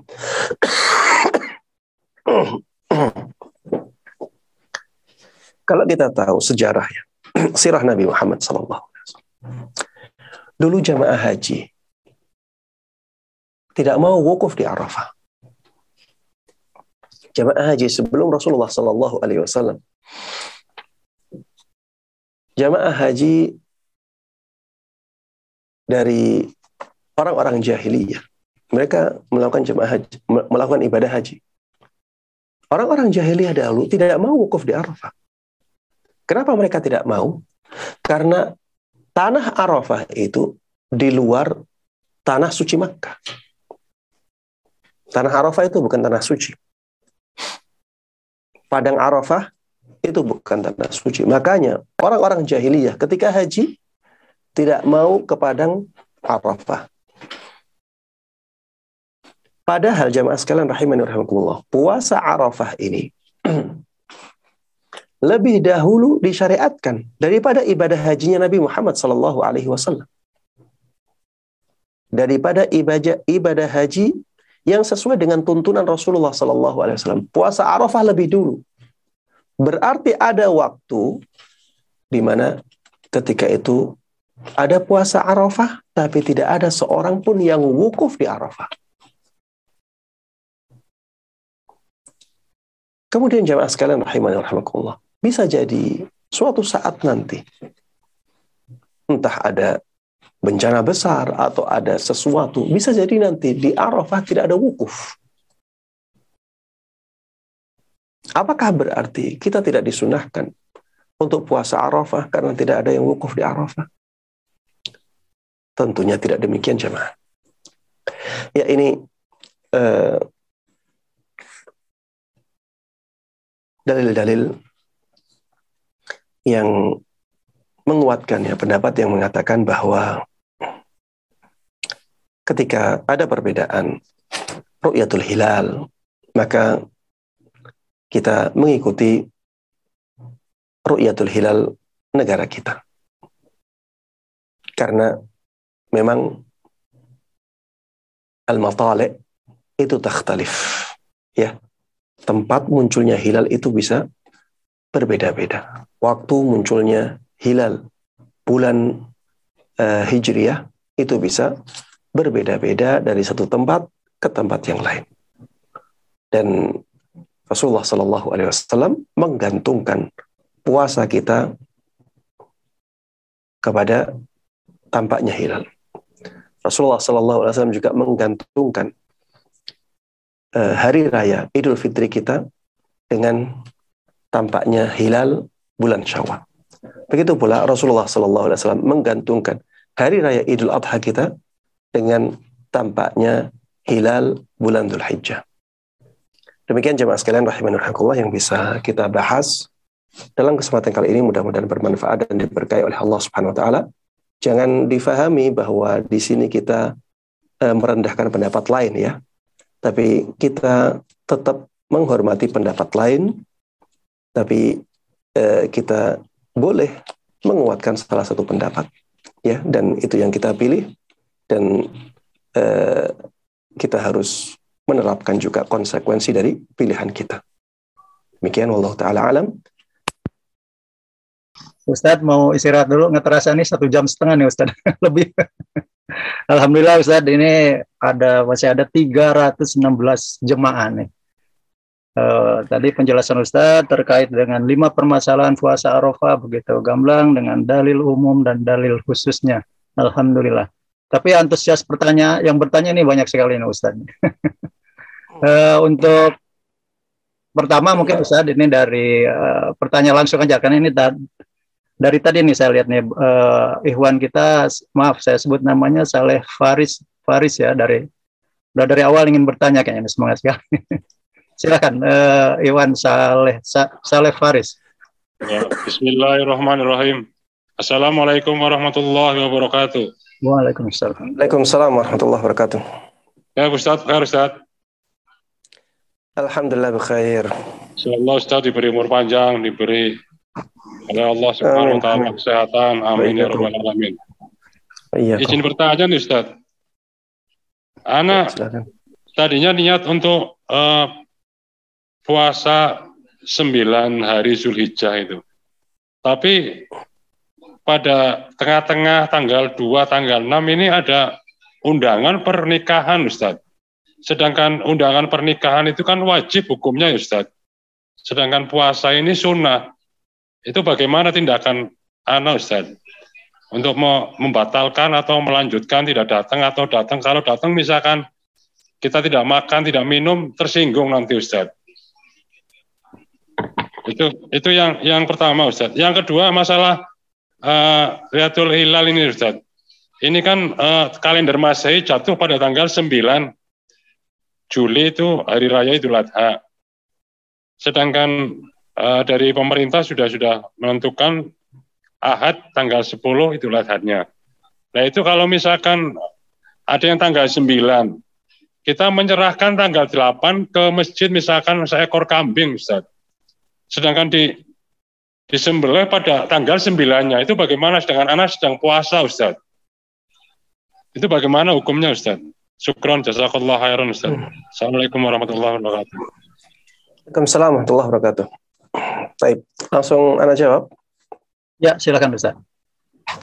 Baik ya, pertanyaan yang pertama tentang eh, keinginan untuk berpuasa di sembilan hari pertama bulan Dhul Hijjah, tapi ternyata ada halangan yaitu dengan adanya undangan untuk walimahan ya menghadiri walimah pernikahan. Ya jemaah sekalian rahiman rahimakumullah, kita dari awal sudah tahu ya bahwa puasa ini puasa sunnah. Kalaupun tidak puasa, tidak menjadi masalah. Kalau tidak eh, puasa, tidak ada masalah. Kalau ingin dapat pahalanya puasa, ya puasa. Kalau tidak berpuasa, ya jangan ingin dapat pahala puasa. Itu kan pilihan kita. Dan pilihan itu ada konsekuensinya. Kalau kini kalau ingin menghadiri dan tetap mendapatkan pahala puasa, ya berarti kita hadir dan kita tetap puasa. Tidak makan, tidak minum. Ustadz nanti orangnya tersinggung. Masalah dia tersinggung atau tidak sebenarnya kembali kepada bagaimana kita bermuamalah dengan dia. Kalau kita fahamkan dia bahwa kita sedang berpuasa dan kita tidak ingin puasa kita terganggu dan kita sudah menghadiri acara dengan baik, kalau kita sudah sampaikan seperti itu, kenapa dia harus tersinggung? Ya, kalau memang dia harus tersinggung karena ibadah kita, sebenarnya juga tidak ada masalah ya. Itu resiko dalam melakukan ibadah. Kalau ingin tidak berpuasa ya sudah, tidak usah berpuasa. Kan ini puasa sunnah juga. Ya. Yang diwajibkan itu menghadiri undangan walimah pernikahan. Bukan makan. menghadiri walimah pernikahan, bukan makannya. Kalau sudah menghadiri, tidak makan, ya sudah gugur kewajibannya. Ya, kalau ingin makan ya silahkan tidak ada masalah juga karena ini puasa sunnah. Kemudian pertanyaan yang kedua ini juga banyak ditanyakan oleh para jamaah ya. Ustadz bagaimana eh, yang terjadi saat ini? ada yang eh, menentukan bulan Dhul Hijjahnya lebih dahulu. Sehingga akhirnya ada perbedaan. Sehingga akhirnya ada perbedaan. Kalau kita ingin berkurban, bagaimana Ustadz kalau ternyata kurban kita disembelih lebih cepat daripada yang kita yakini? Kita yakinnya atau kita uh, memilih pendapat yang mengatakan bahwa itu tanggal 9. Menurut mereka itu tanggal 10. Dan hewan kurban kita disembelih di tanggal yang menurut kita tanggal 9. Walaupun menurut orang lain tanggal 10. Apakah sah sebagai ibadah kurban Ustadz? Wallahu ta'ala alam, Ana melihat tidak sah. Inilah konsekuensi dari pilihan pendapat kita. Ini konsekuensi dari pilihan pendapat kita. Jemaah di zaman Nabi Muhammad Sallallahu Alaihi Wasallam. Ada orang yang menyembelih hewannya di hari 10 sebelum sholat. Di hari ke-10 sebelum sholat tapi. Apa kata Rasulullah Sallallahu Alaihi Wasallam? Beliau mengatakan syatu ka syatu laham. Dombamu itu domba biasa, bukan domba kurban. Padahal menyembelihnya di hari ke-10, tapi sebelum sholat id. Dan tujuannya sangat mulia. Tujuannya agar dagingnya bisa dimasak lebih cepat, kemudian daging itulah yang dihidangkan untuk Rasulullah Sallallahu Alaihi Wasallam. Ternyata Rasulullah Sallallahu Alaihi Wasallam tetap mengatakan itu tidak sah sebagai ibadah kurban. Padahal sudah di tanggal 10 Dhul Hijjah. Bagaimana dengan kasus yang ditanyakan saat ini. Dia menganggap itu tanggal 9. Dia. Dia menganggap itu tanggal 9. Dan dia berkorban di tanggal itu. Yang dia anggap sebagai tanggal 9. Maka ya konsekuensinya sembelihan seperti itu tidak sah sebagai ibadah kurban. Dia sah sebagai sembelian biasa.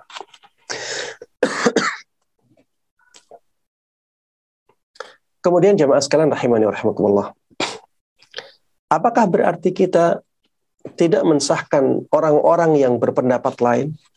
Kita katakan kalau memang pendapat dia itu tanggal 10, ya berarti ibadah dia sah.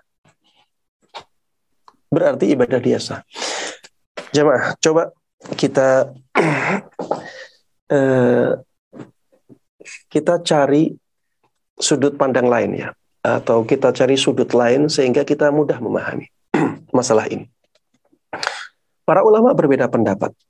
Apakah tidur membatalkan wudhu ataukah tidak?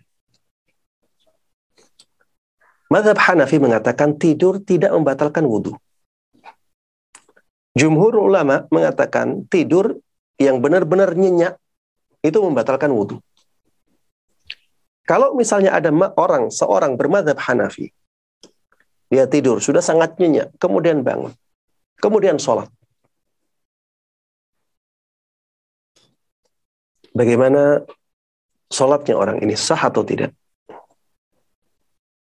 Jawaban kita, sah untuk dia. Sah untuk dia, karena pendapat dia seperti itu. Tapi kalau kita melakukan seperti itu, padahal pendapat kita bahwa tidur yang sudah sangat nyenyak sekali, itu membatalkan wudhu, maka kita tidak sah sholatnya. Kalau kita tidur sudah sangat nyenyak, kemudian bangun, kemudian sholat, padahal menurut kita tidur itu membatalkan wudhu, maka sholat kita tidak sah. Tapi kita katakan sholatnya orang tersebut sah, karena pendapat dia seperti itu. Contoh lain. Di dalam madhab Hanafi, bacaan Bismillahirrahmanirrahim untuk Al-Fatihah tidak wajib. Walaupun tidak dibaca secara lirih, langsung bacanya Alhamdulillahi Rabbil Alamin dalam sholat, sah sholat. Pendapat jumhur ulama Malikiyah, Syafi'iyah, dan Hanabilah mereka mengatakan kalau membaca Al-Fatihah harus ada bismillahnya. Kalau tidak ada bismillahnya, maka Fatihahnya tidak sah, tidak sempurna. Sehingga sholatnya batal. Kalau ada orang dari madhab Hanafi, sholat, ketika membaca Al-Fatihah, dia tidak membaca bismillah, sholatnya sah. Kita katakan sholatnya sah. Karena pendapat dia memang seperti itu.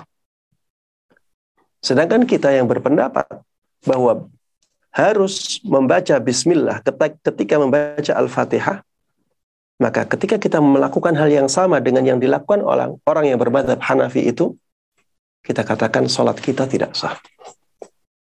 Ya, sama dengan masalah yang lain. Ya, di dalam madhab Hanafi tertawa ketika sholat membatalkan wudhu. Di madhabnya jumhur tidak demikian. Kalau misalnya orang bermadhab jumhur, ya madhab mayoritas ulama, ya, yang mengatakan bahwa tertawa itu tidak membatalkan wudhu, tertawa dalam sholat tidak membatalkan wudhu, maka ya wudhunya tidak batal. Misalnya dia tertawa, dianggap sholatnya tidak sah, ya tinggal sholat lagi. Memulai langsung, tanpa wudhu. Itu boleh. Dan dikatakan sah. Tapi kalau orang bermadhab Hanafi, tidak demikian. Dia tertawa di dalam sholat, wudhunya batal. Sholatnya harus dibatalkan, dia harus wudhu. Kemudian baru sholat lagi. Harus seperti itu. Itu konsekuensi dari pilihan pendapat kita. Kalau kita memilih pendapat bahwa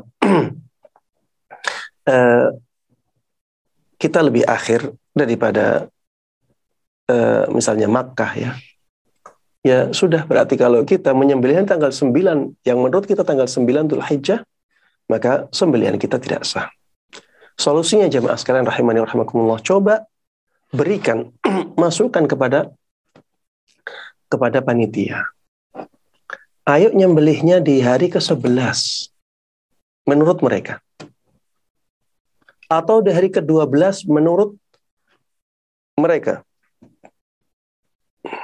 Uh, iya, hari ke-11 atau hari ke-12.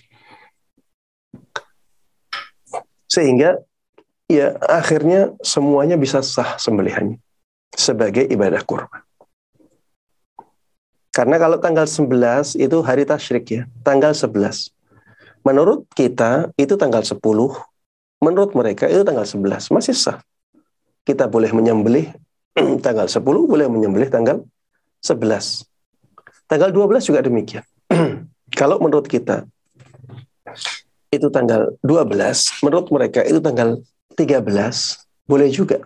Tidak ada masalah. Memang batas akhir kan tanggal 13.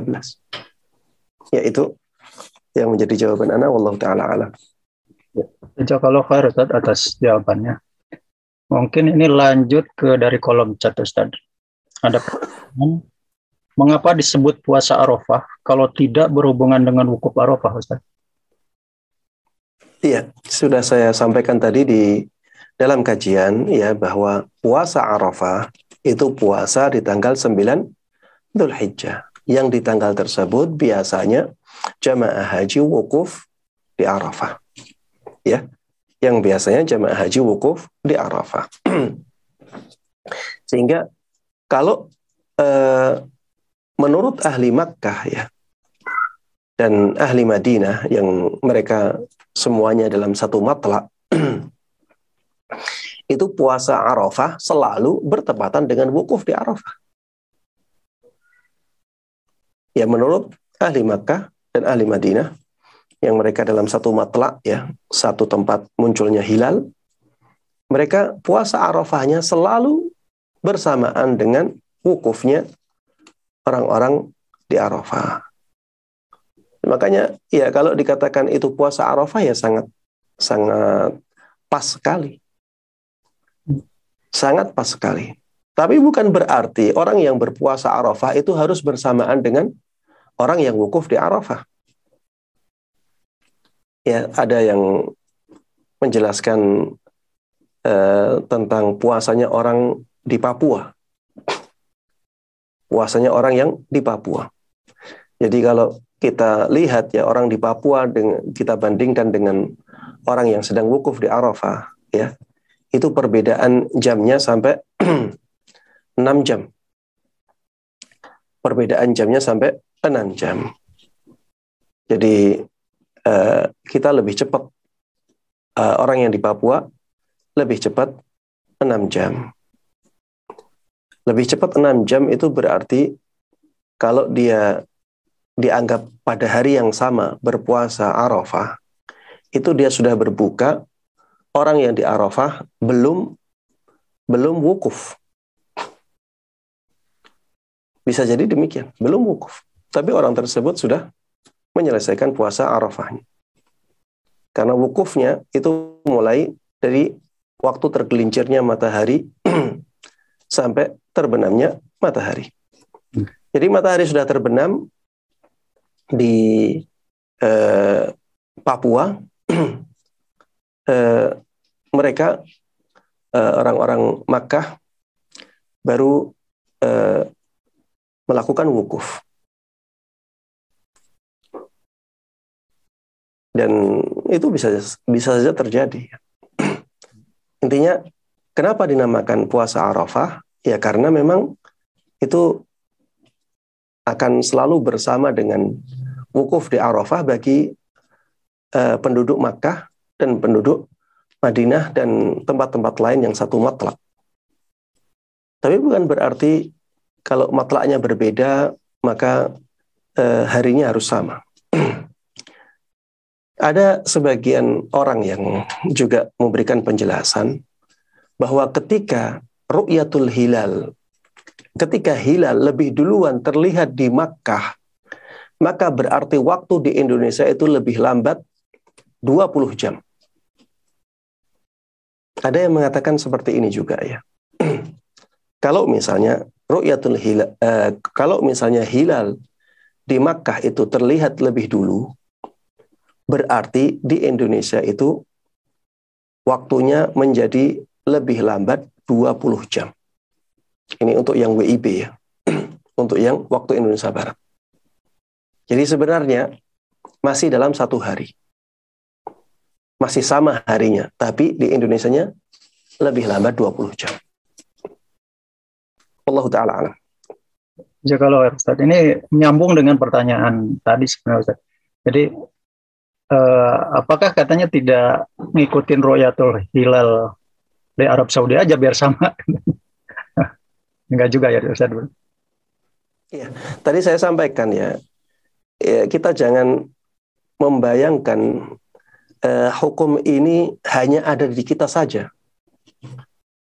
Coba terapkan apa yang ingin kita terapkan itu, uh, iya, coba terapkan apa yang kita inginkan itu di zaman Nabi, di zaman sahabat, di zaman tabiin, di zaman tabiut tabiin, di zaman para imam, yang ketika itu belum ada mobil ya, belum ada uh, sepeda motor, belum ada telepon dan seterusnya.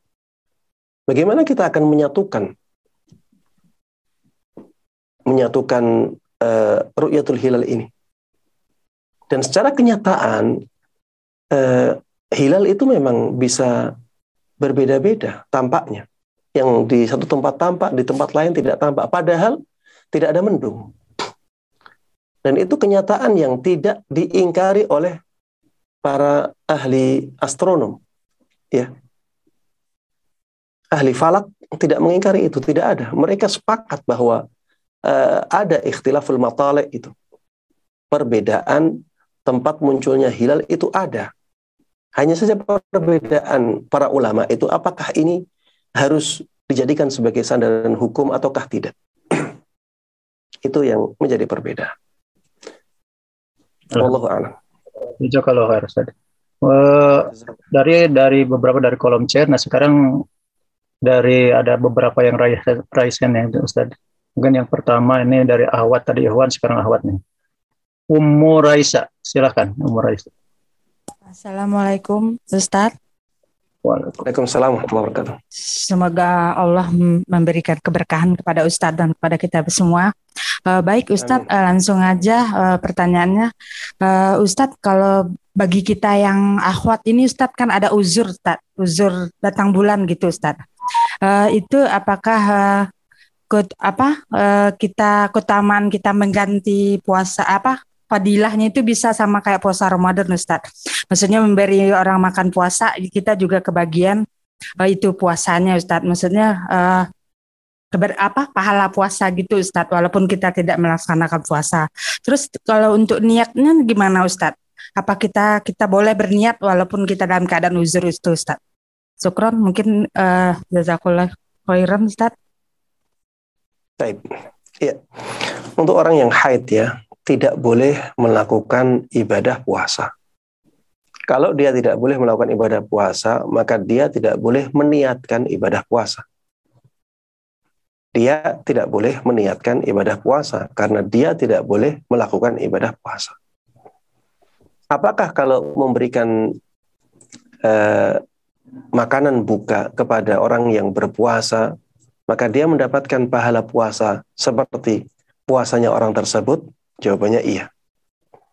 Karena hadisnya umum ya, man fattara sa'iman kana lahu mithlu ajrihi ghaira annahu la yanqusu min ajri sa'imi syai'ah. Barang siapa yang memberikan makanan berbuka untuk orang yang berpuasa. Di sini tidak ada pembatasan apakah puasanya puasa Ramadan ataukah puasanya puasa Arafah, ataukah puasanya puasa Ashura, ataukah puasanya puasa Senin Kemis, dan seterusnya. Tidak ada pembatasan itu. Sehingga hukumnya umum. Puasa apa pun. Ya. Kalau kita memberikan makanan berbuka kepada orang yang puasa Ramadan, maka kita mendapatkan pahala puasa Ramadan. Seperti pahala puasa yang didapatkan oleh orang yang kita kasih makanan berbuka itu. Kalau misalnya puasanya dia puasa Arafah, maka kita mendapatkan pahala puasa Arafah seperti orang yang kita kasih makan tersebut. Begitu seterusnya. ya, kemudian yang perlu digarisbawahi di sini ya, untuk mendapatkan keutamaan 10 hari pertama bulan Dhul Hijjah ini tidak harus dengan puasa saja. Amal saleh itu banyak. Ya, amal saleh itu banyak tidak hanya puasa kita bisa berzikir. Orang yang haid dibolehkan untuk banyak berzikir kepada Allah Subhanahu wa taala. Terutama al-kalimah at-thayyibah subhanallah walhamdulillah wala ilaha illallah wallahu akbar ya. Ulang-ulang. Dan bisa berzikir dengan uh, misalnya tahlil saja la ilaha illallah wahdahu la syarikalah lahul mulku wa lahul hamdu wa ala kulli syai'in qadir. Bisa dengan istighfar saja ya Sayyidul Istighfar dibaca beberapa kali dan bisa dengan zikir-zikir yang lain. Bahkan membaca Al-Quran. Menurut pendapat yang lebih kuat dibolehkan bagi orang yang haid. Tapi bukan dengan ya menyentuh mushaf ya. Menyentuh mushaf, pendapat yang lebih kuat tidak boleh bagi orang yang haid, juga bagi orang yang berhadas. Ya. Tapi membaca Al-Quran menurut pendapat yang lebih kuat masih dibolehkan bagi mereka yang haid ya. Allah taala alam. kalau Ustaz. Ustaz ini yang guys hand masih ada dan dari chat juga masih banyak. Apakah Ustaz masih bisa? Atau saya satu kali pertanyaan lagi ya? Satu kali. Yang yang raise hand aja Ustaz ya. Uh, ini saya pilih Fad uh, dari Ikhwan sih. Fadil Lagwa silahkan. Maaf kalau salah mengeja. Silakan Pak Fadil. Pak Fadil Assalamualaikum Ustaz. Waalaikumsalam warahmatullahi wabarakatuh. Uh, kita kan dulu waktu sebelum berpuasa satu hari penuh kita berpuasa setengah hari terlebih dahulu dan puasa setengah hari tidak ada dalam ajaran Islam. Uh, waktu kita masih berpuasa setengah hari apa kita mendapatkan pahala Ustadz? Assalamualaikum warahmatullahi wabarakatuh. Waalaikumsalam warahmatullahi wabarakatuh. Iya. Kalau mendapatkan pahala ibadah puasa jelas tidak. Ya karena itu bukan ibadah puasa. Hakikat dari ibadah puasa ya meninggalkan makan dan minum dan semua yang membatalkan ibadah puasa dari mulai terbitnya fajar sadik sampai terbenamnya matahari. Itu hakikat dari ibadah puasa. Orang yang puasanya hanya setengah hari, maka dia tidak dinamakan orang yang berpuasa. Sehingga dia tidak mendapatkan pahala ibadah puasa. Apakah dengan seperti itu dia mendapatkan pahala? Bisa jadi kita katakan iya. Ya, karena itu adalah usaha dia untuk melakukan kebaikan. Ya. Bisa jadi kita katakan iya, dia mendapatkan pahala tapi bukan pahala puasa tapi bukan pahala puasa, pahala untuk uh, usaha, usaha dalam melakukan kebaikan. Dan amalannya itu bukan amalan puasa. Ya, demikian Allah taala anak.